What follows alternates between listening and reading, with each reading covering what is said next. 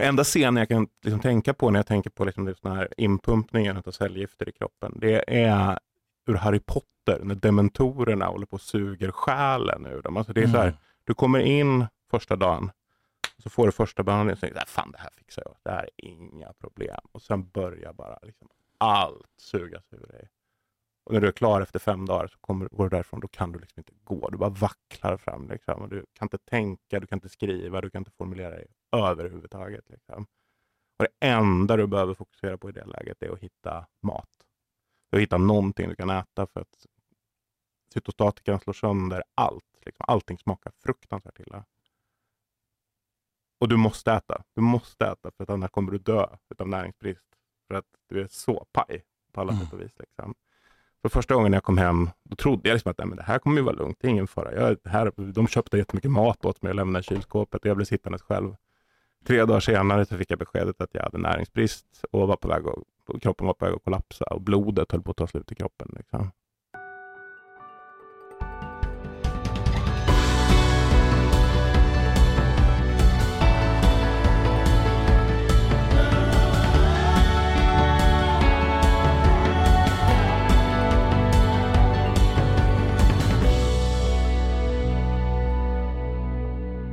Så du får frågan om att vara med i en coachpodd.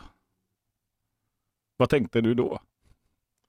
Eh, jag tänkte att jag, min semester har just börjat, jag har inget bättre för mig. Varför ska jag säga nej till det? Mm. Eh, och sen tänkte jag att eh, ni är i viss mån mitt researchmaterial i vad jag Mm. håller på med och vad jag funderar mycket Så på. ni? Ja, alla ni som är här i det här rummet. Alltså, i produktionen av det här. Eller liksom så. Just, jag, jag är nyfiken på vad ska man säga, coachingsamhället och wellness-samhället och liksom personliga utvecklingssamhället på något sätt. Så att, att när jag får en chans att prata med någon om Mm. mig själv i det så är det också på något plan så att jag tänker, ja men jag, jag lär mig nog något på det. Mm. Så. Är- Vad har du för relation till begreppet coach? Nästan ingen alls. Alltså företagskonsulter har man ju stött på genom Mm. åren som kommer in i liksom olika coachande lägen och det skulle jag väl säga är på gränsen till en ren bluffmarknad. Mm. Eh, I rätt hög utsträckning. Ehm, jag eh, Det var ganska hårt. är, är inte eh, överdrivet förtjust i begreppet personlig utveckling. Jag tycker att det har varit direkt skadligt för vårt samhälle som Mm. helhet de senaste åtminstone 40-50 åren. Eh, Jag tycker att det finns problem med någonting som i viss mån stammar ur framgångsteologi och eh, Mm. en rörelse där liksom det individuella ansvaret och din personliga framgång bara är upp till dig och det är också kvittot du har på att du har levt ett gott liv eller att Mm. du har varit så, eh, och det har på, i viss mån också fått ersätta de eh, större sociala trygghetsnät som jag tycker är viktigare. Mm. Att man känner en grundtrygghet som samhällsmedborgare i att någon tar emot dig när du faller istället för att du ska vara så stark så att du inte faller någonsin. Mm. Eh, jag, jag läste Barbara Ehrenreich här om året eh, i och med att jag eh, blev sjuk i cancer och hon har skrivit mycket om, om problemen inom just eh, cancerbehandling med hur, den liksom, alltså hur liksom ett sorts coachingsamhälle har invaderat det. Att man börjar tala i termer av att man ska se cancern som en gåva. Eh, det är ett hjältedåd att vara en överlevare. Där man också kan ställa sig frågan, vad händer med de som inte överlevde? Var de inte hjältar i det läget? Då, liksom? Mm. Alltså, att, att det skulle finnas liksom personlig utveckling i allt. Att, att ibland finns det faktiskt saker som bara är skit. Och att det finns också en, ganska, en ganska stor trygghet att få säga det till sig själv i det läget. Liksom, Mm. "Nej, men det här var inget kul. Det här var inget bra. Jag fick inte en enda jävla insikt av det här. Utan det var Exakt. faktiskt bara skitjobbigt. Exakt. Eh, men där, där hon såg, framförallt i USA då, att det närmast, det var kring bröstcancer i det här fallet, att det närmast blivit som en sektrörelse där Mm. det liksom var upp till dig. Du skulle vara glad för då skulle cancern försvinna eller liksom så. Man liksom frångick de vetenskapliga linjerna. Och jag märkte också när jag var i behandling att det här hade sipprat in i viss mån i liksom, svensk cancervård också. Att man pratade om att jag hade blivit sjuk för att jag hade stressat och då hade immunförsvaret gått ner. Och sen när man tittar på den reella forskningen, så det är inte en fråga om immunförsvar när det kommer till cancer. För det, det är inte de vita blodkropparna som... Alltså så, men, men vi pratar ändå om det utifrån någon sorts personligt ansvar som handlar om hur du mår. Att det är ständigt upp till dig själv.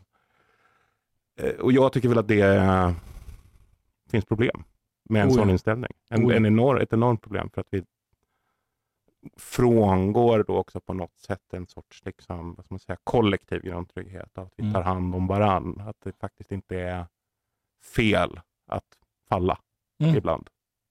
Och Nej, tvärtom, det. tvärtom skulle jag säga. Mm. Det är viktigt att falla. Och att liksom se, se det som är i det som är. Mm. Istället för att hitta på historier. Så. Mm. Eh, jag, jag stämmer in till 100% på det du säger.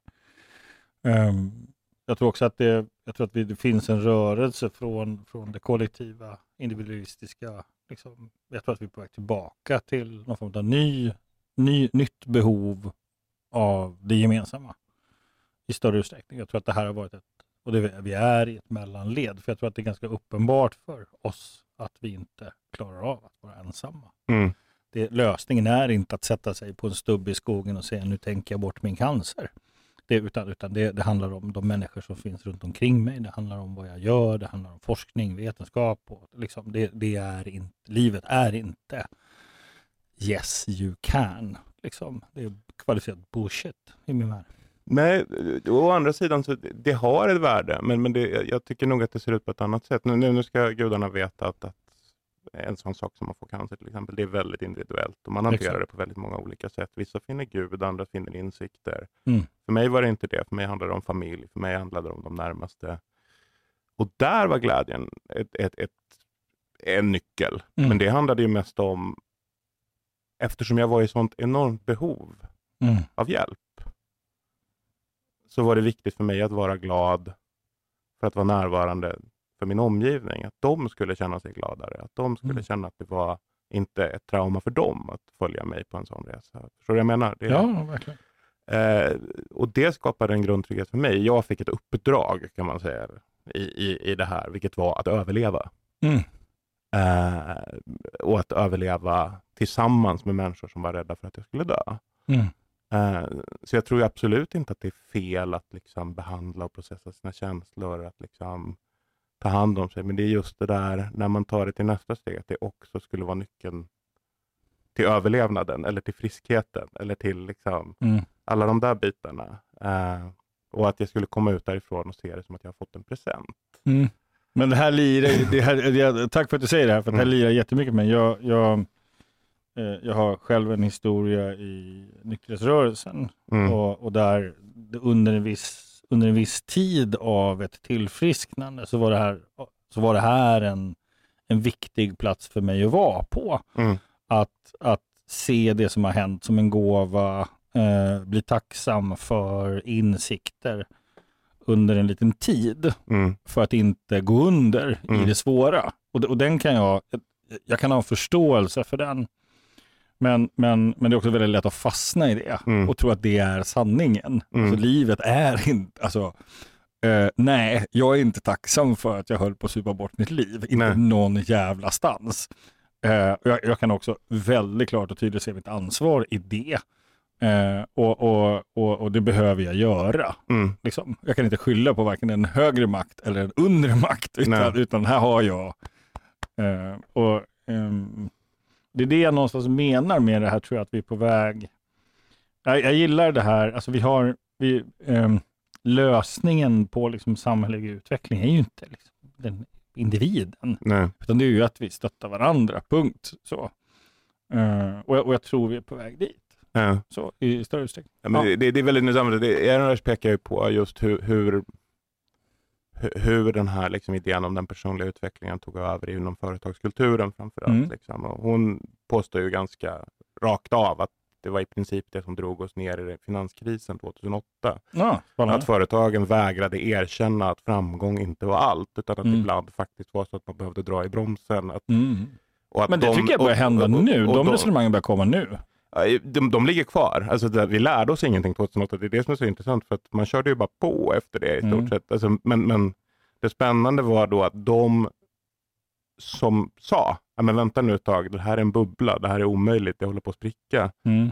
De ansåg man inom företagskulturen skred negativ energi och det var ju den positiva energin som Mm. skulle ta en ur det här. Den, Så man den, gjorde sig av med dem Mm. inom rörelse, liksom inom ja, ett visst sorts av sektbeteende. Man gjorde sig av med dem som skapade negativ energi i rummet helt enkelt för att titta på, ja, men, finns det en poäng här? Är det en bubbla? Har vi ett problem? Mm.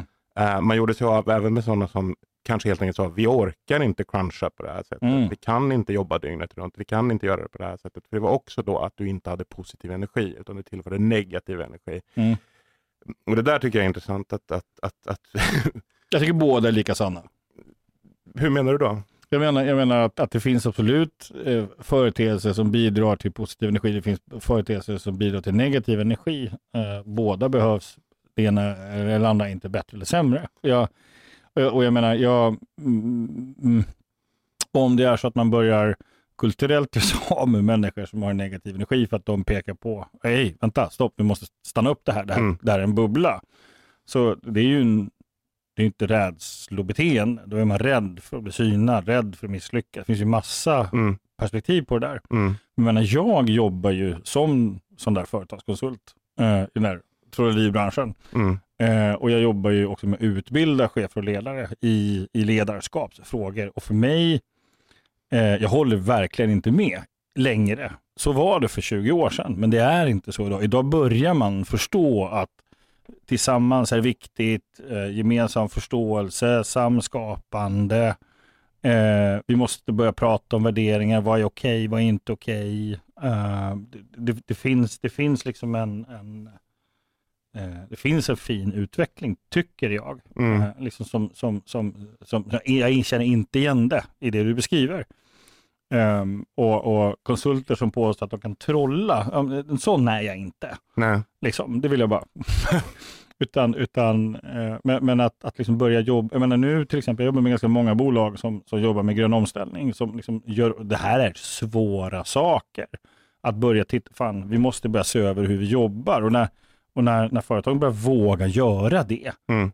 liksom, så inser de att fan, vi kan inte prata ekonomi längre på det sättet. Det här, den insikten kommer idag. Alltså det finns ett helt annat samtal om hur, hur, hur behöver vi liksom managera, hur behöver vi liksom skapa företagen. Mm. An- Titta på unga entreprenörer som kommer, så, så det är klart det finns flörten med det, det gamla sättet att driva bolag på, men det håller inte länge. För människor är inte kvar.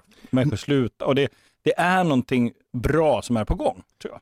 Ja, Det uppenbara är ju det inte håller i att det håller på att kollapsa. Ja. Alltså att vi ser just nu frukterna av tio års entreprenörs, i princip religion någonstans. Alltså där, Mm. där det här ensam är stark, det unga geniet. Man ska cruncha, man ska liksom slå igenom. Där, där, där så liksom entreprenör på entreprenör nu Mm. blir avklädd som bluffmakare, Ja, exakt. solvårare, alltså som har dragits in i det, som sen inte har klarat av att dra i den där bromsen. Och Ja, sagt liksom, Oj, fan, jag vet inte vad jag håller på med. Det finns inte en person i princip som har hamnat på liksom, Times omslag som Person of the Year, som, eller Forbes omslag på, för Person of the Year som inte har liksom klätts av sen som liksom Mm. fullständig solovårare. Mm. Eh, men det är ju inte bara där, utan du ser det också. Du, du liksom är inom- väldigt krass. Inom, nej, men man ser det också inom de stora liksom, techbolagen idag. Mm. Liksom. Du har en sån som Elon Musk som folk dyrkade för tio år sedan. Idag Mm. framstår han som en fullständig pajas. Det visar sig att han har i princip ingen kompetens för det han håller på med. Alltså, som du mest sitter och bråkar med. Liksom, eller inte ens bråkar med, han bråkar med woke-rörelsen på sitt eget Twitter som han har köpt. Eh, eh, eh, Jag vill ha en egen sandlåda. Nej, men det, jag tycker att det är spännande för att det, det, det vi ser, vi lever i en, en otroligt intressant tid så, Yes. så sett just nu. För att för första gången sedan 90-talet egentligen så börjar allting knaka i fogarna. Allt det vi trodde för tio år sedan om liksom en meritokrati, om liksom digitaliseringens möjligheter och så. Helt plötsligt så börjar liksom allting flimra lite. Så går du in på Facebook idag så fattar du inte vart du är riktigt längre och det funkar inte riktigt som det skulle. Twitter håller på att kollapsa. Alltså alla de här digitala jättarna som skulle ge oss sådana otroliga möjligheter Mm. Knakar liksom i fogarna. Och jag, det, och jag tror att väldigt mycket av det är kopplat till att det egentligen inte har byggt på idén om en sund företagsverksamhet. Alltså pengar in, pengar ut, pengar in, pengar ut och Mm. bygga det. Istället så har det handlat om enorma pengar som har kommit in i investeringskapital i saker som i slutändan inte har varit så mycket eller som inte riktigt har funkat eller som har behövt skaffa ett monopol för att överhuvudtaget ens kunna bära sig Mm. ekonomiskt. Som i fallen med liksom, ganska många gigföretag.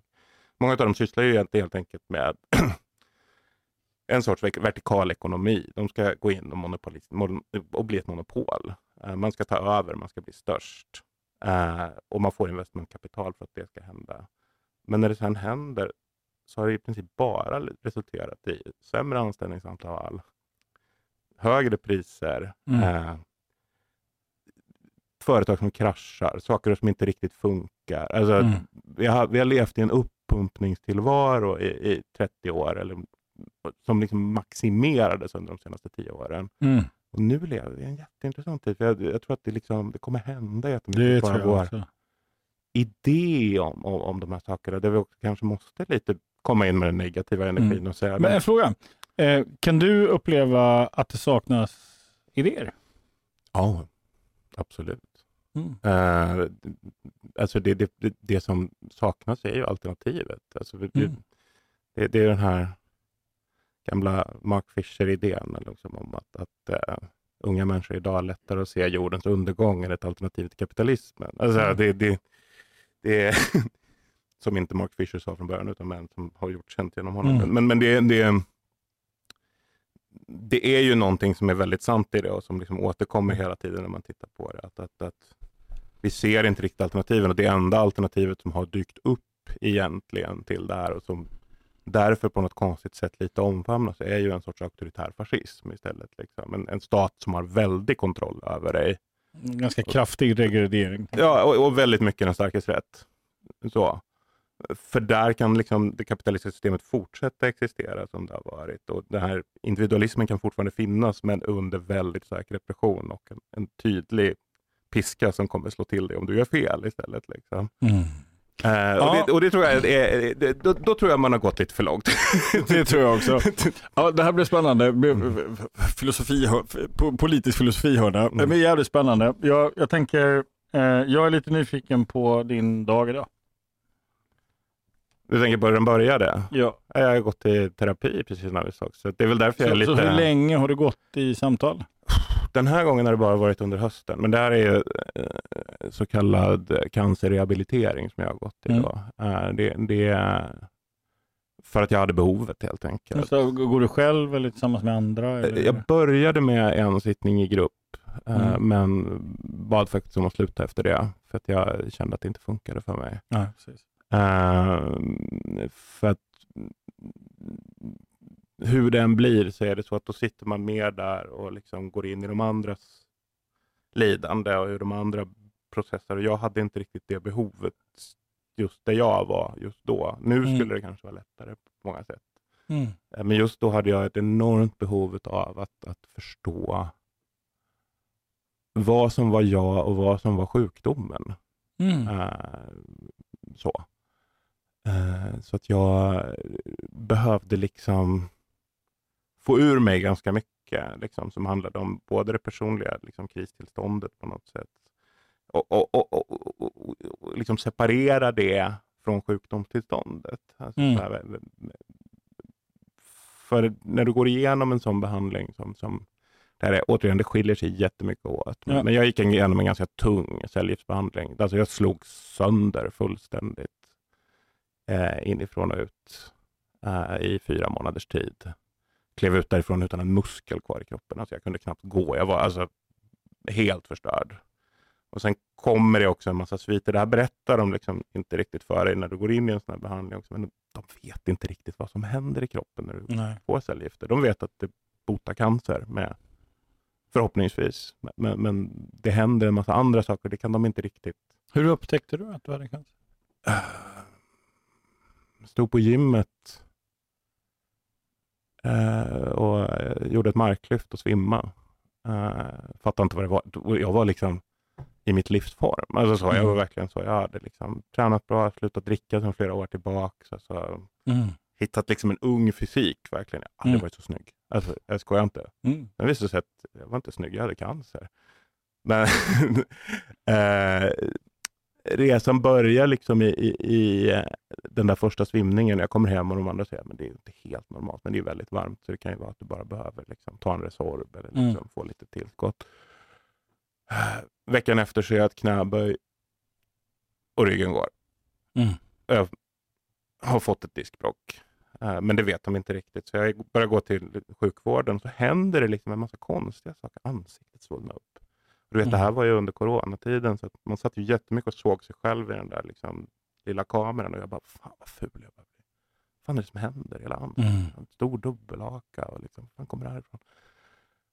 Och, så jag fortsätter gå till läkaren och de vet inte riktigt vad det är. De bara, "Du kanske har B-vitaminbrist. Här, du får B12 utskrivet. Och, och jag är så här, men det är någonting annat. Så jag går in till akuten till slut. Liksom, så. Sitter i 16 timmar. Får frågan om jag går på anabola när de har tagit blodproverna. Det är någonting de ser som inte stämmer riktigt. Mm. Liksom. Helt plötsligt så byts min ordinarie läkare mot en annan läkare. Men han vet inte heller vad det är. Jag börjar få svårt att andas när jag ska prata. Jag, kan inte prata i längre stunder. Jag får liksom, ska jag vara med i radio eller sådana saker så får jag liksom pump, stå utanför och pumpa i mig halstabletter innanför att öppna luftrören så mycket som möjligt för att kunna liksom ens föra, ja, men prata i hela meningar. Okej, vad, när pratar vi i tid? Hur länge sedan är det här? Är, vad är det nu? Nu är det två år sedan det började. Eh, och till slut så är det, efter att jag har hostat i två månader, så är det faktiskt en sån telefonläkare. Alltid öppet, för jag försöker få loss hostmedicin som bara, du, det är normalt att hosta så där mycket. Du måste faktiskt in på röntgen. Mm.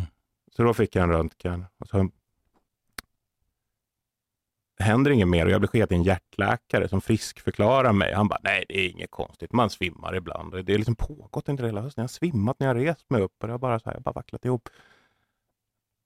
Och jag bara, jaha, han bara, ja, nej, du får skaffa stödstrumpor. Det är konstigt. Jag tänkte så här, fan jag är 42-årig man som tränar regelbundet. Och liksom, om du hade pratat om mig som 70-åring hade vi fattat om det hade Mm. kunnat vara lite ospeciellt att svimma med jämna mellanrum när man reser sig upp för snabbt.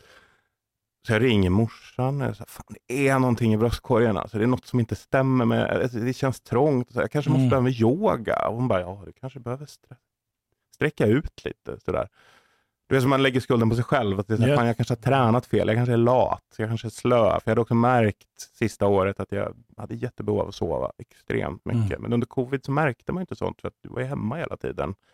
Så det var inget konstigt att man la sig på soffan liksom, och Mm. höll på när man skulle. Eh, så jag var så fan vad märkligt. Att, för han var verkligen så att han bara, nej, du är frisk. Det är ingen fara. Liksom. Det fick jag höra senare, att det där är ett sånt ställe som man bara skickar folk till när de inte vet vad det är, så friskförklarar de en och så får man få vidare. så kommer jag hem och så sitter jag klockan 12 på natten och så tänker jag så här, jag måste bara kolla vad fan han har skrivit i min journal om det här. Liksom. Mm. Det känns jävligt konstigt. Jag öppnar journalen. Det första inlägget, det är från onkologen och det står mycket stor tumör i mediastinum, alltså i bröstkorgen. Klockan är 12 på natten, det är fredag. Jag kan inte ringa någon. Alltså du vet, så här, jag blir så, fan, vad, vad, Vad händer då? vad fan ska jag göra nu? Jag, ska jag dö? Ska jag överleva? Jag har ingen aning. Alltså du vet, så. ska jag Mm. ringa mamma och pappa? Ska jag oroa dem med det här? Ska jag ringa min flickvän? Och klockan är mitt, liksom så här, du vet, mitt i natten. Hur fan ska du sova efter en sån här grej? Så till slut kom jag på att fan, jag vet en person som är vaken. Mm. Det är Ekots USA-korrespondent Roger Wilson, men också en av mina bästa vänner. Så jag ringer honom. Så pratade han med mig så i 40 minuter och liksom tog ner mig på jorden lite. Liksom och så där. Så satt jag upp och sen så skickade jag ett sms till min ena brorsa klockan sex på morgonen och bara så här, du kan du ringa mig när du vaknar? Jag ska bara prata om en grej. Och sen var det liksom en helg utav bara så fullständig rådvillhet. Och i den här journalen så står det även att, att min husläkare skulle, hade skickat ett brev till mig om det här. Men han har inte ringt. Han har inte gjort någonting. Det här brevet hann inte komma fram innan de ringde från eh, lungcanceravdelningen på Karolinska och sa du måste komma in på en gång. 12 timmar senare var jag inskriven. Eh, för liksom, eh, undersökningar. De bara, vi kan inte släppa dig, du kan dö när som helst i stort sett. Eh, och jag sitter där liksom och glor in du vet, så här, pamfletten sex och cancer, sex och överlevnad. Så här, och vet ingenting om vad som ska hända. Och jag känner helt så här, fan om det är lungcancer. Fan om det är de där tre ciggen jag röker om dagen som liksom har drabbat mig nu. Liksom. Fan, då är det mitt fel. Liksom. Det, det, här, det kändes skitjobbigt. Just den tanken på så här, mm. är det jag som har gjort det här mot mig själv? Liksom? Jag som har skött mig så fruktansvärt bra. Ska det vara den där lilla lasten jag har kvar? Liksom? Eh, och sen började undersökningarna då. Liksom. Eh, och det tog en vecka ungefär så fick jag första svaret och då var det inte lungcancer. Men det visade sig att jag hade fått testikelcancer i bröstkorgen. Mm. Inte i testiklarna. För det är tydligen så att testiklarna bildas här uppe i huvudet i fosterstadiet. Sen vandrar de liksom ner genom hela kroppen och då blir det liksom lite spårämnen kvar. Och kroppen. Väldigt, väldigt, väldigt sällsynt är det, men i, vissa fall då så händer mm. det att, att det smäller till här uppe och inte där nere. Uh, och då släppte liksom all den här ångesten. För då var det så här, ja, jag var en på miljonen som drabbades av det här. Det är inte mitt fel överhuvudtaget. Då kan jag bara, ja, ja, det, nu är det inte mitt. Och så var det liksom så här, tanken också på den här tumören var 11,5 centimeter stor. Den höll på att trycka sönder hjärtat, den höll på att trycka sönder lungorna. Men den var ju också buskis. För nu var det bara som en jättestor pungkula. Fattar du? Liksom, mm.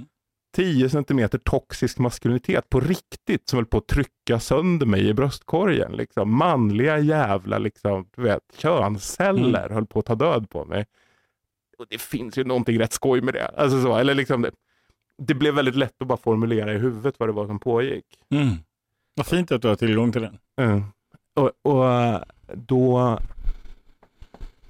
Jag blev utskriven en vecka och sen så bara kastade de mig rakt in i, i, i behandlingen omedelbart. Liksom. Och de var så här, läkaren bara tittade på mig när jag blev inskriven på kvällen och så sa han så här, ja det här kommer bli helvetet för dig, men du är frisk till sommar.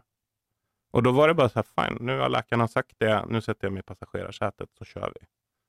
Och sen börjar de bara slå sönder allt. Du vet, mm. alltså, det är så här, jag brukar, enda scenen jag kan liksom tänka på när jag tänker på liksom den här inpumpningen av cellgifter i kroppen, det är ur Harry Potter när dementorerna håller på och suger själen ur dem. Alltså det är mm. så här, mm. du kommer in första dagen, så får du första behandlingen och tänker fan det här fixar jag. Det här är inga problem. Och sen börjar bara liksom allt sugas ur dig. Och när du är klar efter fem dagar så kommer, går du därifrån, då kan du liksom inte gå. Du bara vacklar fram. Liksom. Du kan inte tänka, du kan inte skriva, du kan inte formulera dig överhuvudtaget. Liksom. Och det enda du behöver fokusera på i det läget är att hitta mat. Du hittar någonting du kan äta för att cytostatikan slår sönder allt. Liksom. Allting smakar fruktansvärt illa. Och du måste äta. Du måste äta för att annars kommer du dö av näringsbrist. För att du är så paj på alla mm. sätt och vis. Liksom. För första gången jag kom hem, då trodde jag liksom att men det här kommer ju vara lugnt, det är ingen fara. Jag, här, de köpte jättemycket mat åt mig och lämnade i kylskåpet och jag blev sittandes själv. Tre dagar senare så fick jag beskedet att jag hade näringsbrist och var på väg att, kroppen var på väg att kollapsa och blodet höll på att ta slut i kroppen. Liksom. Så där var liksom början på den lilla färden. Mm. Hur är det att prata om det här nu? Jag tycker att det är rätt lugnt. Mm. Så, jag, alltså, traumabearbetning kan se väldigt olika ut tror jag. Uh, men, men, för mig jag har liksom inte, jag tycker inte att det finns något för intimt i det där. Liksom. Det är en väldigt smetig historia. Alltså, då, jag hanterade den nog ganska mycket då, alltså rent offentligt. Jag var också en offentlig person. Det var så här, mm. du vet, jag kunde inte bara försvinna i fyra månader från liksom, så sociala medier. Jag fick ju börja lägga ut lite. Liksom. Då var jag ganska noggrann med, också för att vara lite skyddande kring min familj och de som var närmast. Jag la inte ut någonting liksom, när jag mådde dåligt eller, liksom, eller liksom, när kroppen inte orkade. Du hade självrespekt? Bilderna som lades upp var liksom från när vi gick på teater eller gjorde roliga mm. saker eller liksom köpte konst. Sådana där saker som man kunde göra under den här tiden. Liksom. Alltså, som signalerade att jag levde. Att jag ville berätta det liksom, för, för omvärlden. För jag, jag ville inte hamna riktigt där. Det var det, det jobbigaste första gången när, när man la ut det första liksom meddelandet om att det här hände, det var ju att det var så fruktansvärt mycket folk som hörde av sig. Vilket är jättefint. Alltså just, du vet, fan hur många det var som brydde sig. Men å andra sidan så frågade alla, hur mår du? Mm. Första fem gångerna är det en ganska fin fråga. När du får Mm. den hundra gånger så blir det ett ältande. Ja. Då börjar du liksom faktiskt fundera på, men hur fan mår jag egentligen? Mm. Och så vet man inte riktigt vad man ska svara till slut, för att man är helt borta i det där. Liksom. Att man inte riktigt vet om man kommer att överleva. Men jag, jag tror att jag, jag, jag har liksom aldrig varit rädd för döden. Mm. Jag tror att liksom det var nog liksom lite det som räddade mig så sätt. Att, Mm. att jag eh, är ganska nöjd med mitt liv. Förstår du? Så. Så, så att det skrämde mig aldrig. Jag tror det skrämde folk omkring mig mycket mer än vad det skrämde mig. Mm, det brukar vara så. Uh, Och man får, den projiceringen är väldigt lätt att få. uh. Andras rädsla. Liksom. Och det är också så att när du är i det där, eller när du är, alltså, Mm. återigen högst individuellt. Eh, men när jag var i det där, eh, så var nog själva liksom, den fysiska behandlingen, det var en ganska lätt process, för då hade du ju ett uppdrag. Skulle överleva. Mm. Du skulle fixa det där. Liksom. Och allt omkring dig och alla omkring dig var helt inriktade på den biten. Man hade Mm. ett mål. Mm. Syfte är en väldigt fin sak. Det kan också vara en fruktansvärd sak om det hamnar Ja. i fel händer eller om du hamnar i fel Oh ja. sammanhang. Men, men det är väldigt förlösande i, i, i en sån situation. Att, att det ändå är så här, "Ja, men jag har faktiskt bara ett uppdrag just nu och Mm. det är att komma ut på andra sidan. Mm. Eh, så är det inte för alla som blir sjuka, men, men i det här fallet så handlar det om det. Mm. Det är ju inte en kronisk tillstånd riktigt på samma sätt. Så. Mm. Då är det andra processer. Men, men därför var jag nog inte helt beredd på den smällen som skulle komma efteråt, rent psykiskt, när du liksom var klar. Alltså när du började återuppbyggnadsprocessen, när du skulle liksom Mm. kasta dig tillbaka in i livet, när du skulle börja leva igen. Och den här, just den här situationen av då, jag orkar inte riktigt. Jag är inte på topp. Hur ska jag förklara det för min omvärld utan att liksom hamna i en ältande process? Eller så, liksom. Mm. och, och där kom terapibehovet in liksom, av, Mm. av att försöka sortera de här sakerna. För det gick inte längre att liksom ringa till de närmaste. För de behövde också gå vidare med sina liv. Ja. De hade barn, de hade liksom andra saker att tänka på, jobb och sköta. Utan det behövde komma in någon i ett sånt läge som man faktiskt bara fick prata med om de sakerna. Och Mm. Som också hade expertiskunskapen av att ha mött fler som hade varit i Ja, en situation. Mm. Så helt emot coachning är jag inte, uppenbarligen. Liksom. Men eh, den, den, eh, den, men, men eh, den, den ser väl lite annorlunda ut i min värld. Så, liksom. Mm. Jag tänker, eh, ja. Eh, jag blir nyfiken på, för du, för du sa när du kom hit idag att, att det var det sista samtalet du hade haft. Mm. Du, liksom, du har avslutat en terapeutisk process Mm. idag. Och då, då tänker jag, om jag då ska fortsätta och göra, jag är nyfiken på, ska jag säga istället, på vad är det, hur skulle du sammanfatta den terapeutiska processen? Vad är, vad, liksom, vad, vad, vad är det du har dels jobbat med, men vad är det, vad är det, framför, framförallt, vad är det du har blivit klar med? Mm. Eh, det, alltså, jag var väldigt nöjd.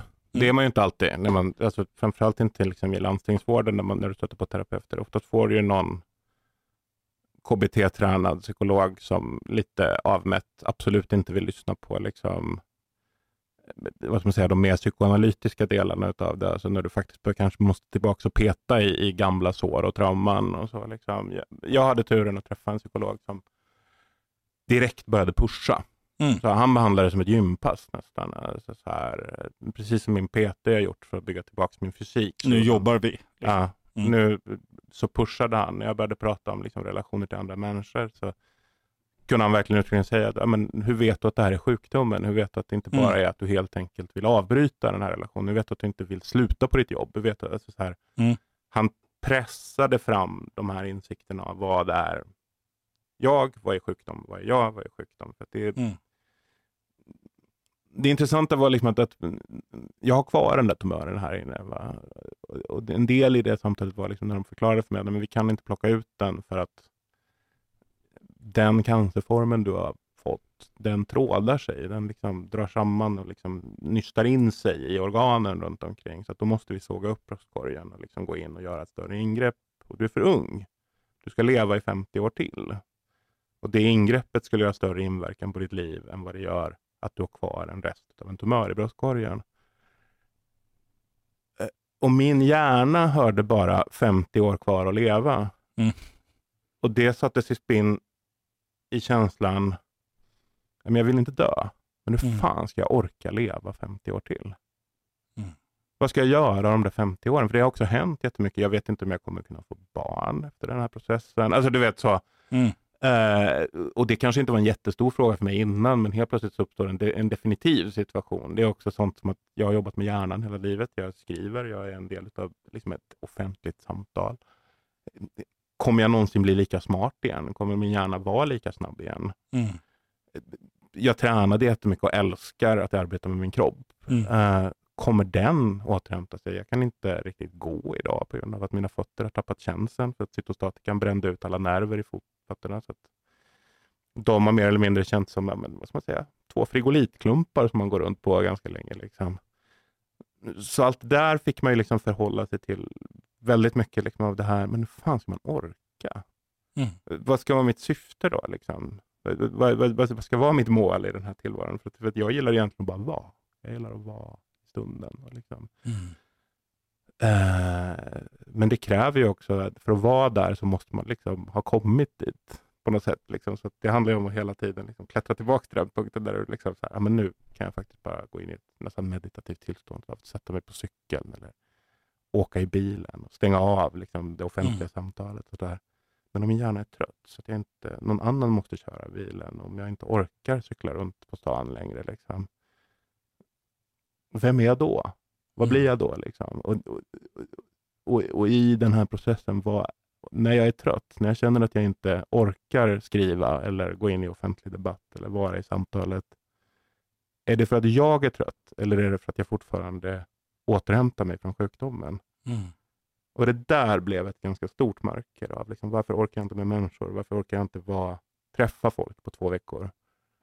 Eh, vad ska jag göra med det? Mm. Eh, och där hade jag ett behov av att gå in i terapi, Mm. kan man säga.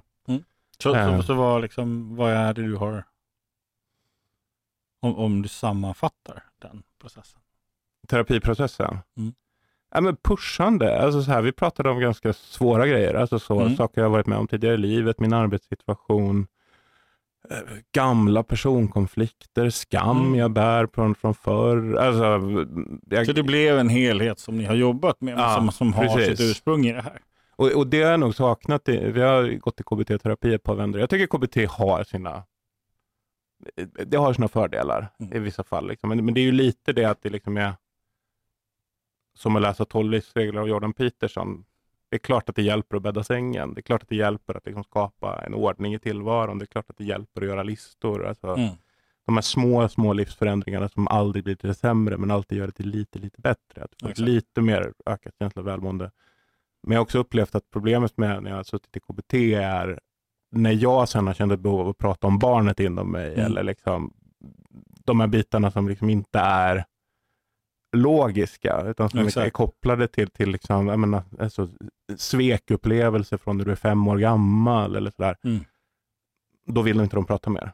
Nej. Då släpper de liksom, Mm. omedelbart. De vill inte in i det överhuvudtaget. Och det har jag nog känt en avsaknad av. Det, det jag uppskattade verkligen när jag kom in i den här liksom, traumabearbetningen var att man inte, inte, inte vek från det gamla heller. För att det behövde sorteras upp. För att när du är Såklart. med om en traumaupplevelse så kommer liksom så att du har varit med om tre traumatiska upplevelser. När du är med om den tredje, då kommer liksom ettan och tvåan och hoppar in Också. också. Liksom, Mm. Mm. I det sammanhanget. Mm. Eh, och det kan vara allt från en separation till liksom, att, att man har gjort något dumt. Eller liksom, alltså så här. Och då måste du på något sätt försöka reda ut det där. Alltså, vad är Mm. vad och vart kommer det ifrån och hur, hur går jag vidare från det här? Då, liksom. Men jag visste inte det. Och där tyckte jag liksom att där var det behovet stort av att bara liksom få sitta med någon som faktiskt pushade i de frågorna. Mm. Liksom. Alltså så, som, som, som inte i det sätt läget bara lägger huvudet på sned och säger jag förstår, nu har det gått fem, 45 minuter. Vi ses om två veckor igen. Huvud på snedfolket, ja. Mm. Eh, jag, har, jag har en önskan, om det är okej. Eh, dels skulle jag vilja höra om det är så att det är någon som lyssnar på det här och som kanske precis har fått samma typ av tuffa besked som du fick. Vad skulle du rekommendera dem att göra? Och det, den är... Det, det är en jätte... Det är, som sagt, det är så otroligt individuellt. Jag, Jag vet. eh, Men det kan ju vara så att de som faktiskt lyssnar på dig just nu Ja. känner igen sig i dig. den, den, den stora grejen, för det, det, det som var jobbigast för mig i början var nog att jag alltid upplevt mig själv som stark. Och helt plötsligt var jag svag och behövde Mm. hjälp. Jag har alltid hanterat jobbiga situationer genom att bära dem, ta dem, så liksom. Mm. Toxic maskulinitet. Nej, förlåt. Ja, men eh, eh, på många sätt. Och, och- och just den här, liksom, och jag har tyvärr också en ganska stoisk hållning till saker och ting som händer omkring mig. Att, att Mm. livet händer och sådär. Men det, så ganska mycket av det var, var inte så svårt för mig liksom, att, att processa och hantera. Liksom. Jag Nej. kunde ta det ganska pragmatiskt. Men jag hade jättesvårt att be om hjälp. Mm.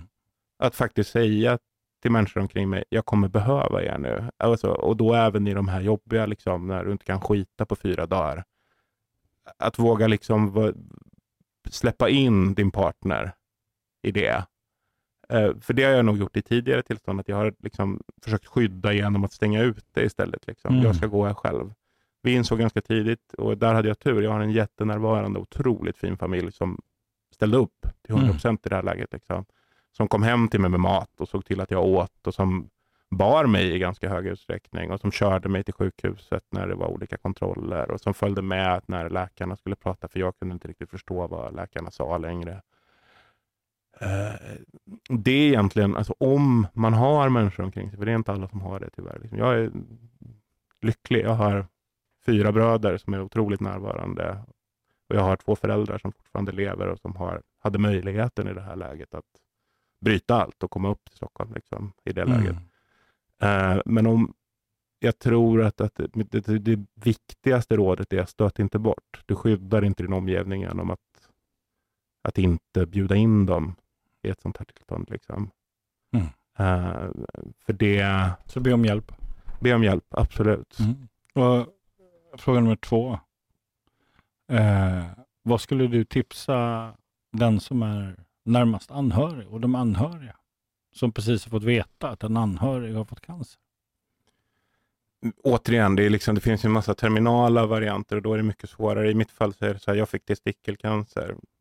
För 20 år sedan så var, dog 89 procent som fick det. Idag överlever nästan 100 procent. Eh, så bara i det så fanns det ju liksom eh, eh, ett lugn. Eh, så. Eh, men, men, men även där handlar det ju om att, att vara närvarande och, och prata om livet. För mig var Mm. det viktigt. Alltså, för mig var var liksom så här, så, sådana saker som jag gjorde i det läget, jag behövde jag och min tjej gjorde upp sådana saker som så här, efter den här behandlingen så ska vi gå på den här konserten. Vi lägger en sju dagar, vi bokar biljetter sju dagar efter. Så har jag en anledning till att se till att försöka komma tillbaka upp på fötter Mm. till att det händer. Eh, jag hade ett väldigt behov av att få vara i de levandes värld. Jag ville inte vara i det sjuka. För Mm. att jag ville också se ett efter. Jag ville prata om det där efter som skulle komma. Eh, jag köpte jättemycket konst. Möblerade om, gjorde om Mm. min garderob. Alltså så, slängde jättemycket gamla kläder. Köpte nya kläder istället. Liksom. Eh, Så, så vad jag hörde säga det är att som anhörig visa att livet faktiskt fortsätter. Ja, absolut. En, en av de bästa personerna som hörde av sig i det här läget, det, det var flera, men, men jag hade eh, jag frilansade Svenska Dagbladet som krönikör Mm. Eh, och de flyttade lämningarna, mina deadlines, så att de låg alltid, så du är inne i fem dagar och sen är det två veckor och sen inne fem dagar. Och de där dagarna direkt efter behandlingen eller när du går in i behandlingen, då kan du inte skriva en rad. Du, så, du, det liksom, du får inte ihop 4000 tecken. Liksom, den typen av hjärnverksamhet funkade liksom inte för mig. Men då la de alltid deadline så att jag hade lämning dagen innan jag gick in på nästa. Vilket gjorde att jag kände att jag var en del av de levandes värld fortfarande. Att jag inte bara var den här sjuka personen. Eh, en person som jag känner skickade liksom länkar till filmpremiärer till mig så att jag fick se dem hemma på datorn. Bara så här som en schysst markering av att han inte räknar mig som borta för att Nej, jag var sjuk. Mm. För, för mig var det eh, jätteviktigt, de här små delarna, inte att någon ställer krav, Mm. utan att någon säger vi räknar med dig, Mm. du är kvar. Du är inte på väg bort för att det här händer. Det, det, det betyder otroligt mycket för mig. Mm. Att man fick vara en del av det friska fortfarande. Att man fick liksom gå på någon fest även om man bara orkar vara där i en och en halv timme och Mm. liksom fick Och det- stappla och runt att det är okej. stund. Ja. Mm. Det, allt det betyder jättemycket för mig. Med Mm. de som var omkring. Alltså alla de som bara ställde upp och såg till så att det funkade att vara kvar i livet också. Mm. Jag tänker stanna där. Hur var det här? Vad tar du med dig efter det här? Ja, hur var det här? Det var roligt. Alltså jag tycker ju om att prata om sådana, alltså för att vara en kritiker, så här, jag, jag ska också säga, jag, jag kommer ju från en ganska flummig bakgrund. Mina föräldrar var gröna vågare och det, har viss antroposofkoppling och pratat väldigt mycket på det här sättet. Jag tror att också det är en del i varför jag har den kritiska hållningen är att man också får vara en del av det. Liksom. Är Ända ner till liksom en sorts antivax tillvaro. Liksom. Alltså, men, och, och mycket hippies. Liksom, men, men, men det... Jämförde du mig precis med det? Måste Nej, jag, ska bara dubbelkolla. Bara Nej, men, men när det kommer till det sinnliga, det är liksom, hela den biten, så jag kommer ganska mycket ur det, men det är också därifrån jag har fått min skepticism Mm. till det hela. Men det gör också att jag, jag tycker ju väldigt mycket om, jag har ju språket och Mm. därför tycker jag om att använda det. Så jag tycker ju om att vara i det samtidigt. Liksom. Mm. Fast Ja. jag, har, jag ser ju en sak till som du har. Vad är det? Din sårbarhet.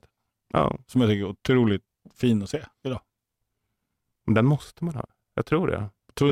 Den är inte självklar för alla. Och, och eh, jag är väldigt berörd av, av, av din historia. eh, Mest av allt din sårbarhet. Det har påverkat mig jättemycket. Den är inte självklar. Nej. Nej. Men den borde vara det tror jag. Eller jag tycker det. det, är, det är, Där, där är vi helt överens. Det Äntligen. vi är helt överens. Alltså, vad, vad, alltså, I sekunden vi tappar vår sårbarhet, då har vi upphört att leva. Liksom. Ja, men jag tycker att det är den som bär styrkan. Mm, exakt så. Tack. Tack själv.